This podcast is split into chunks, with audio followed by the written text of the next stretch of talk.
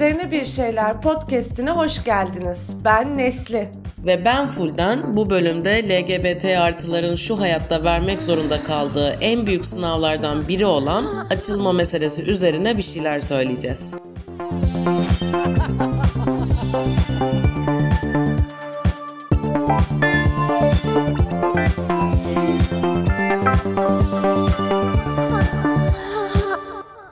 Önce Netflix'te bir belgesel izledim. 80'lerinde iki lezbiyen kadının hikayesi. Aa bi- biliyorum izledim ben onu şey e, Secret, e, e, A Secret Love, The Secret Love falan gibi bir şeydi sanırım ona da. evet evet evet. Ee, A Secret Love. Ee, 19-20 yaşında tanışan ve hayatları boyunca birlikte yaşayan iki kadın. Pat ve Terry isimleri. Hep birlikte yaşamışlar. Hep birlikte olmuşlar ve bunu aileleriyle de paylaşamamışlar. Belgeselin çekiminden 2-3 yıl önce Terry tüm ailesiyle paylaşıyor Pat ile. Neredeyse 70 yıldır birlikte olduğunu. Önce tabii böyle bir şaşırıyorlar, afallıyorlar falan. Çünkü kimse Pat'in e, Terry'nin nelerinin sevgilisi olabileceğini düşünmemiş hani bu zamana kadar. İşte hep işte ev arkadaşı, işte hayat pahalı, masrafları paylaştığı çok yakın arkadaşı olarak görüyorlar. E, açıkçası ya bana çok garip geliyor 70 yıl aynı evde yaşayan iki kadına. Yani 70 yıl. Hiç mi yani bir saniye bile mi acaba demediler bu koca bir ailede bir kişi bile mi uyanmadı? Çok garip geliyor. Bir de bir değil, iki değil, yedi tane on yıl peş peşe giden blok bir zaman.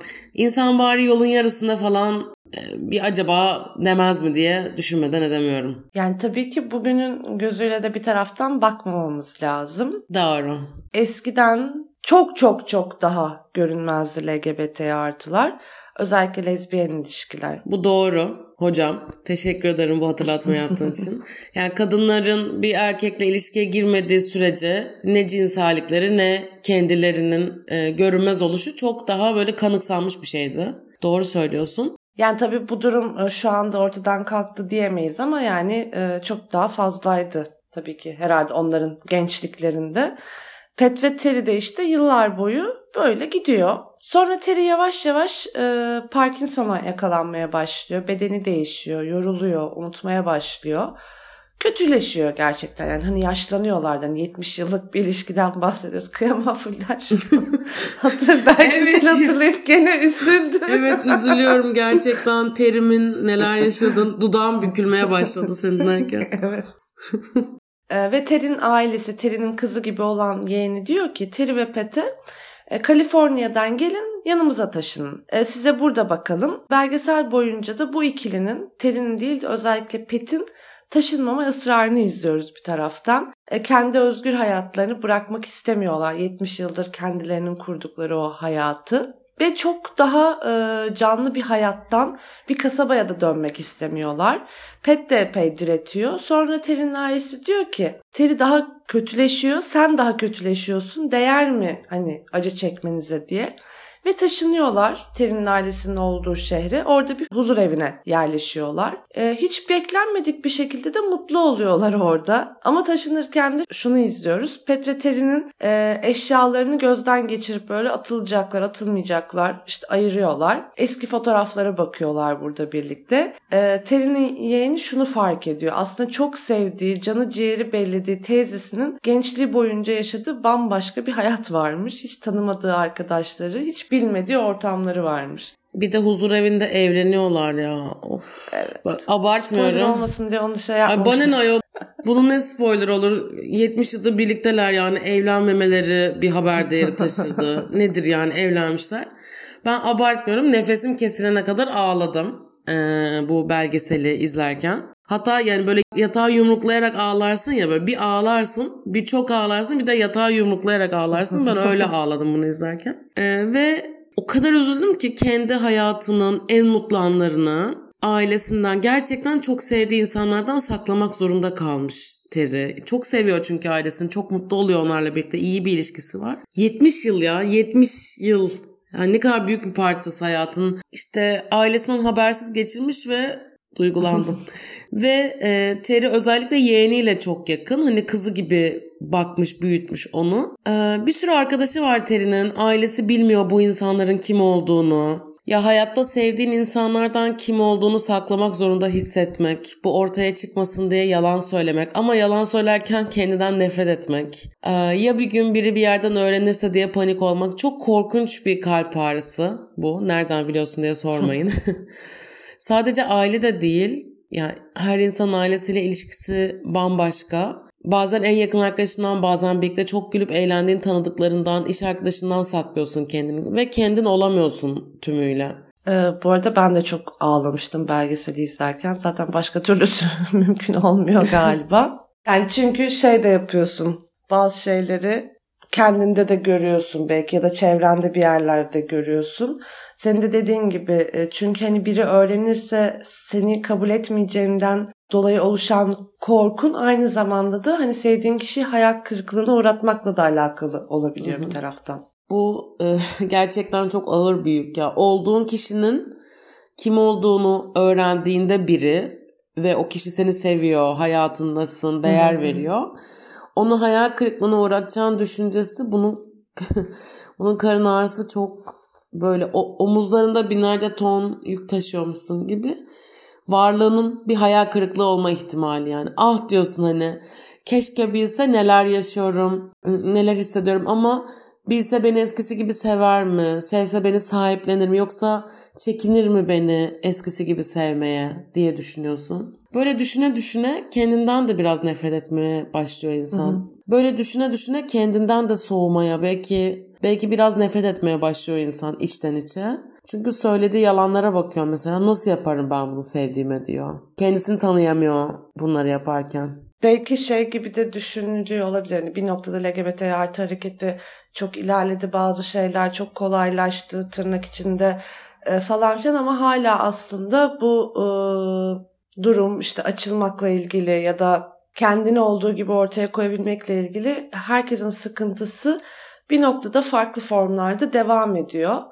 Bir de tabii sadece e, insanları hayal kırıklığına uğratma korkusu da yok. E, bazen başıma bir şey gelir mi korkusuyla da devam hı hı. ediyor bütün bu ızdıraplar. 2009 yılında örneğin eşcinsel olduğu için babası tarafından öldürülen Ahmet Yıldız var. Davası hala e, sürüyor.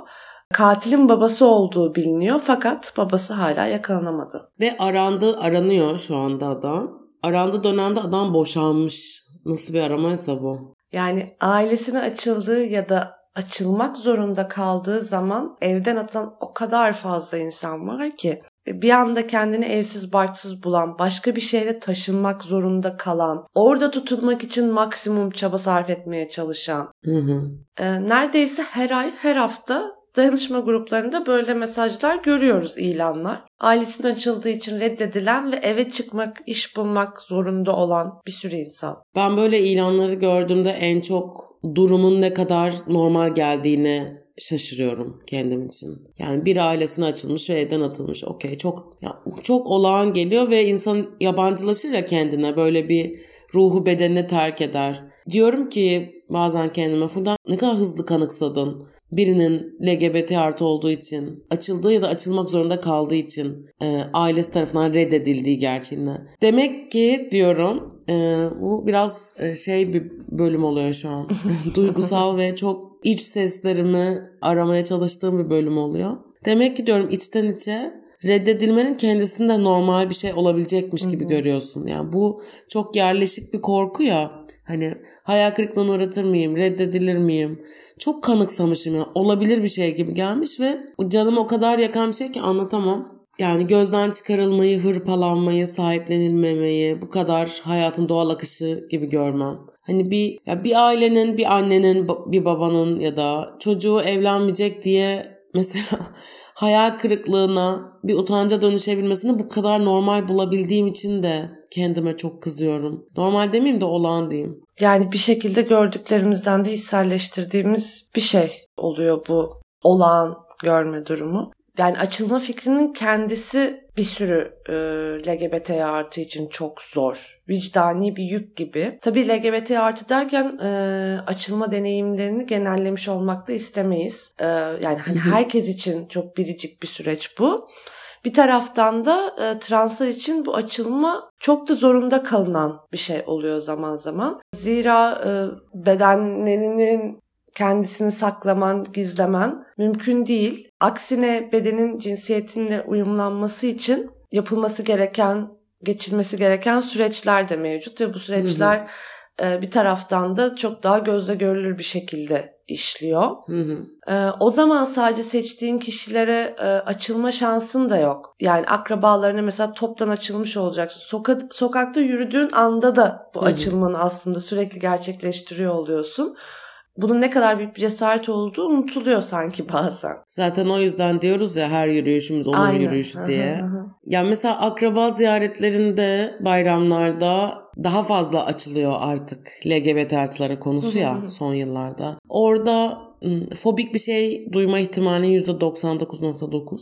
Yani ben başka türlü bir aile bilmiyorum. Varsa ne, ne hoş ne hala. Orada mesela fobik bir şey duyduğunda aman ya o da akraba işte deyip susup geçebilir ya insan. Ya her sustuğunda belki aynı kişinin, o fobik sözü söyleyen kişinin bir başka LGBT artıyı da kendi saklı dünyasına tıkıştırmış olduğunu fark etmiyoruz belki de yani. O aynı kişi her yerde konuşarak belki çok daha fazla sayıda insanı kendi dünyasında sıkışmış bırakmaya katkı sunuyor diyeyim. Tekrar dolaba döndürüyor belki o. Evet. Ya da hani açıldığında daha tehlike altında olmasını sağlıyor. O enişte, işte o dayı, o teyze belki de trans erkek olarak açılmayı düşünen kuzeninizin karın ağrısı olabiliyor. Arada Twitter'da görüyorum mesela babaannem bana ilk defa oğlum dedi diye tweet atan bir trans erkek mesela. Yani böyle o kadar mutlu oluyorum ki. E, çünkü bir sürü insan için e, bunu anlamanın kendisi de zor. Hani işte bir taraftan bunu da kabul ediyoruz daha eski jenerasyonun hı hı. kabul etmesi, anlaması ya da benim torunum trans erkek diyebilmesi bile aslında çok büyük bir Hı-hı. değişiklik kendi içinde de. Ya mesela üniversiteden bir arkadaşım vardı. Eşcinsel bir erkekti. Bayağı da açık biriydi. Kendi ailesinin anne ve babasının yaşı ileri olduğu için e, hani kardeşlerine açılmıştı ama Anne babasına açılmamıştı. Kardeşleri de biliyordu bu durumu. Üzmeye gerek yok şimdi ailemi diyordu. Böyle böyle bir sürü insan var aslında. Aileni sevdiğin, onları gözettiğin için de bir yandan kendini açmıyorsun. Ya tabii bunlardan bahsederken e, Türkiye'de çocuklarını sahiplenen ve onların hakları için yıllardır büyük mücadele e, veren aileleri de unutmayalım. Hı hı. E, Listak aileleri var mesela. Türkiye'nin LGBT artı çocukları olan ailelerin bir araya geldiği bir grup. Kendi mücadelelerini de çok açıklıkla anlatıyorlar. Pınar anne hı hı. örneğin trans çocuğunu kabullenmekte ne kadar zorlandığını ama sonra ilk sütlerini kendisi aldığını anlatır hep konuşmalarında. Her seferinde de aynı şekilde duygulanır. Ben de duygulanırım tabii ki. Evet, ben de e, şey burnumuz ne? E, gözyaşımız burnumuzda bir bölüm oluyor gerçekten. E, ben de kendisini ilk defa ya 19-20 yaşlarında dinlemiştim. Ankara'da Kızılay'da bir yerde dinlemiştim. Ve dinlediğim ilk o ilk anları unutamıyorum. Böyle panel gibi bir şeydi. Küçücük bir odada e, her zamanki gibi hava kapalı böyle 15-20 kişi var. E, bir iş alanının bilmem kaçıncı katında falan da kesin. Ve böyle e, anlatıyor işte kendi çocuğunun açılma hikayesini. Bütün acısını bağıra bağıra ağlayarak paylaşmıştı. O feryat figan ben arkada ağlıyordum. Onu o kadar da iyi anlamıştım ki çünkü onun çocuğunu ilk başta kabullenememesinde hissettiği ne varsa ben zaten onun adına çoktan düşünmüş ve tam olarak bu yüzden başkalarının hayal kırıklığına uğratacağımı hissediyordum. Açılmaya dair korktuğum her şeyi karşımda gördüm ve bir yandan da çocuğunu çok seven bir. Ya o ağladıkça böyle kendi annem ağlıyordu falan sanki ve tabii kendisinin dönüşümü, çocuğunu desteklemesi inanılmaz bir mucizevi ve çok iyileştirici gelmişti.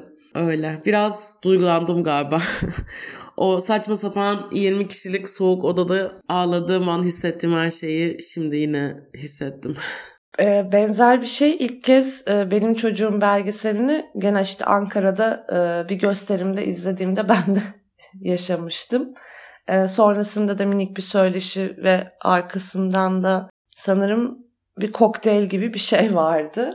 Ben de bütün bir belgeseli böyle gözyaşları içerisinde ses çıkarmadan ağlayarak geçirmiştim. Hani bir taraftan bu şey bir ağlama da değildi ya. İzlediğim şeyden çok mutlu olmanın verdiği bir Hı-hı. ağlamaydı bir evet. taraftan da. Sonrasında da işte o kokteylimizi şeydi işte Pınar anne ve Sema anneyle böyle tanışıp biz onlara da sarılmayı ihmal etmemiştim. O dönemler için hem çok böyle hani bir taraftan kırık ve buruk hissettiğim ama bir taraftan da hani böyle şeylerin de oluyor olmanın verdiği mutluluk evet. da vardı böyle tam iki taraflı e, bir şeydi. Ben de e, listak aileleriyle tanışıp onlarla böyle hani sohbet edince benim de içimden sarılmak geçiyor. Babacığım falan diye. Ya da anneciğim de o o sarılmayı insan çünkü tam olarak bu anlayı yani ne kadar zor olsa da bu anlayışı bekliyor ya ister istemez. Listak aileleri yani gerçekten yıllardır inanılmaz şeyler yapıyorlar. Şimdi hani başka şehirlerde de aileler bir araya geliyor. Sadece listak yok. Ankara'da mesela gala derimiz var. E, çocuğu kendisine açılan aileler birlikte deneyimlerini paylaşıyor, birbirlerine destek oluyor. Eğer hani bilmeyen, duymayan varsa Listak'ı da gala deride takip etsinler mutlaka. Biz de gene açıklamalara Instagram hesaplarını, web sitelerini falan koyarız Hı-hı. zaten. Ya bir de açılmanın katmanları var. Ailene açılmak başka bir şey. Ee, çok yoğun bir şey bence. Bir de iş yerinde açık olmak başka bir şey. Kendi çevrende açık olsan da herkes bilse de açık kimliğine televizyona çıkmak istemeyebilirsin mesela. Hani oldu ya televizyona çıkma fırsatın oldu. Çünkü her açıklık seviyesinin bambaşka deneyimleri ve bambaşka potansiyel riskleri var aslında. Ya her yerde aile yürüyüşleri gibi saçmalıklar düzenlenirken insanlar bu kadar büyüyen ve organize bir nefretin hedefinde olmak istemiyor olabilir çok doğal bir şekilde. Ya da o üzme, hayal kırıklığına uğratma düşüncelerini daha geniş ölçekte kaldıramayacak da olabilir. O yüzden uyarım sizlere sevgili sis ve hetero insanlar. Ya lütfen etrafınızdaki LGBT artılara ne zaman açılacaksın? Böyle yaşamak seni yormuyor mu? Söylesen kurtulursun gibi şekillerde baskı yapmayın. Bu cümleleri daha önce duymuş biri olarak bunu söylüyorum yani. Çok kahredici bir soru bütünü. Eğer insanların çok açılmasını istiyorsanız şöyle de yapabilirsiniz. Çevrenizdeki fobiyi azaltmaya çalışabilirsiniz. Gizin mesela annenize söyleyin bakalım en yakın arkadaşım lezbiyen diye. Onlar bakalım ne diyorlar. Siz açılabilirsiniz birazcık. Tabi burada da e, kendi arkadaşınızı da e, ifşa etmeyin. Yani tehlikeye, tehlikeye atmayın. atmayın. Böyle bir şey derken yani. ya is hani arkada farazi hani, konuşun. Evet, benim de lezbiyen arkadaşım var. Açılımı yaşayın demek istedim. Teşekkür ederim saplasam onu böyle şırrak diye ayırdığın için. Ee, arada bir gülelim de canım. Bu açılma hali biseksüeller için bir de de bambaşka bir dinamik de içeriyor. Bakın görüyorsunuz mevzu yine biseksüellere geliyor.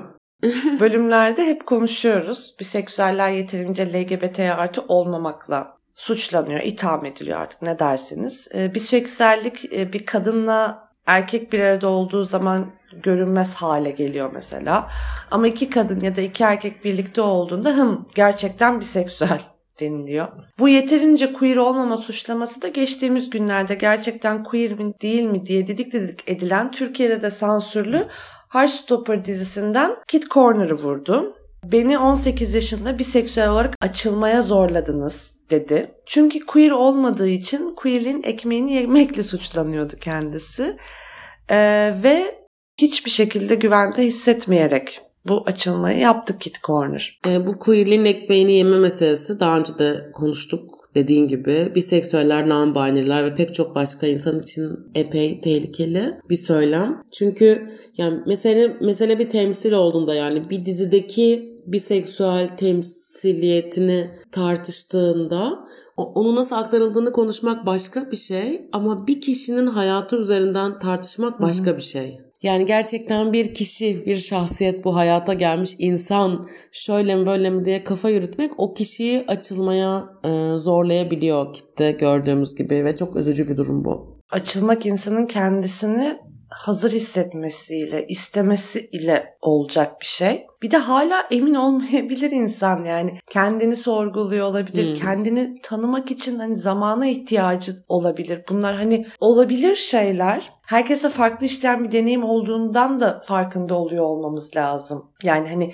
kimsenin süreci birbiriyle eş değil. İlla belli basamakları, belli süreçleri olan bir durum da değil. Ki zaten Heartstopper'ı izlediğimizde de bunu anlattığını görüyoruz. Zaten bu yüzden bu diziyi de hı hı. çok sevdik. Ama sonra işte dizini izleyenler, dizinin fanları çıkıp 18 e, yaşındaki genç birine queerliğin ekmeğini yediği üzerine suçlamalar yapıp belki de zamanı olmayan daha başka bir süreçleri geçirmesi gereken bir durumda biseksüel olarak açılmaya zorluyor. Bu açılmaya zorlama yani koca bir iklim bu resmen. Bu açılmaya zorlayan iklimin kendisi çok korkunç.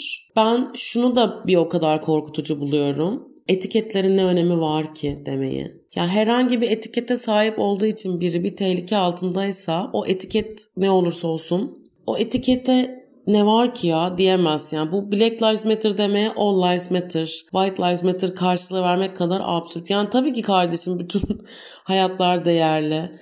Ama biri siyah olduğu için, biri eşcinsel olduğu için, biri non-binary olduğu için tehlike altındaysa onun varlığını genel hepimiz insanız potasında eritemezsin. Önce onun varlığını kabul et. Sonra bir gün herkes eşitlenirse o zaman etiketleri siler miyiz silmez miyiz konuşuruz. Ama ona ömrümüzün yetmeyeceği kesin. Bir de Kit Korn'un açıklamasında e, demin de bahsettik. 18 yaşında birini açılmaya zorladınız diyor. Bu hani çok fena. Yani o gün zaten ikimiz de birbirimize e, açıklamanın böyle mesajını yollamıştık Fulde hani bu ne kadar korkunç bir şey hani diye. Evet. E, yani bir taraftan işte insan üniversiteye gittiği yaş 18 hani reşit oluyorsun güya yetişkin oluyorsun ama bir taraftan da hani e, savunmasız olduğunda çoğu şeyi bilmediğim hı hı. daha yeni yeni yaşadığım bir yaşta. Ben 18 yaşıma bakıyorum ve bebek gibi görüyorum şu an kendimi. Gerçekten çok küçük bir yaş. Şey o, o kadar fazla yani çok küçük bir yaş demeyeyim de el alem neler yapıyor. genç bir çok yaş. Çok genç bir yaş yani o kadar fazla insanla başa çıkmak için. Yani 80 yaşından başladık 18 yaşına e, döndük bu açılma konuşma sürecimizde. Ama hangi yaşta olursa olsun e, kendine ait bambaşka zorlukları var ve işte tekrar diyelim biricik e, durumları var. Bir eşcinsel erkek bir arkadaşım da mesela 26 yaşında kendisine açılmıştı. 28 yaş civarında da etrafına açılmıştı ve mesela o da şey diyordu çok geç kaldım. E, hayatımın işte en güzel yıllarını yaşayamadım falan gibi böyle bir geç kalma korkusuyla açılmıştı. O yüzden evet her yaşın kendine has bir şeyi olduğu, zorlu olduğu e, çok açık. Her kişiye göre de. E, o yüzden insanlara açılın, kaçılın, cesur olun demeyin. İlgilenmeyin yani birilerinin açılıp açılmayacağıyla. İnsanların açılması için güvenli ortamlar oluşturun. Açılanlara destek olun. Açılmanın bu kadar büyük bir mesele olmaması için bir şeyler yapın diyebilirim naçizane. Bakın ben de Fatih Portakal gibi bütün takipçilerimi sis ve hetero varsaydım. Tam olarak o olsaydın anketi salardın Twitter'a ee, bence şimdi kendini o kadar gömme. Kendisi biliyorsunuz e, geçtiğimiz günlerde e, sizce LGBT artılar nasıl insanlar? E, A sapkın, B insanlar falan minvalinde bir anket yaptı Twitter'da. İşte Fatih Portakal da birilerinin akrabası. O da akraba ziyaretlerinde atıp tutuyor. Belki birilerini sindiriyor. Etrafınızdaki Fatih Portakalların anketlerini yanıtlamayın. Ama en önemlisi içinizdeki Fatih Portakalları susturun. Fatih Portakallara dur deyin. Ee, o zaman bu haftanın da sonuna geldik sanırım. Ağlaya ağlaya gözümüzün yaşını sile sile doldurduğumuz bir bölüm oldu. Evet. Bir sonraki bölüm haftaya çarşamba yayında. Ama siz tabii bizi istediğiniz zaman dinleyebilirsiniz. Yeni bölümde de LGBT artı ve kadın bakışıyla hayatın her alanı üzerine bir şeyler söylemeye devam edeceğiz. Bizi Instagram'dan ve Spotify'dan da takip etmeyi unutmayın. Görüşürüz.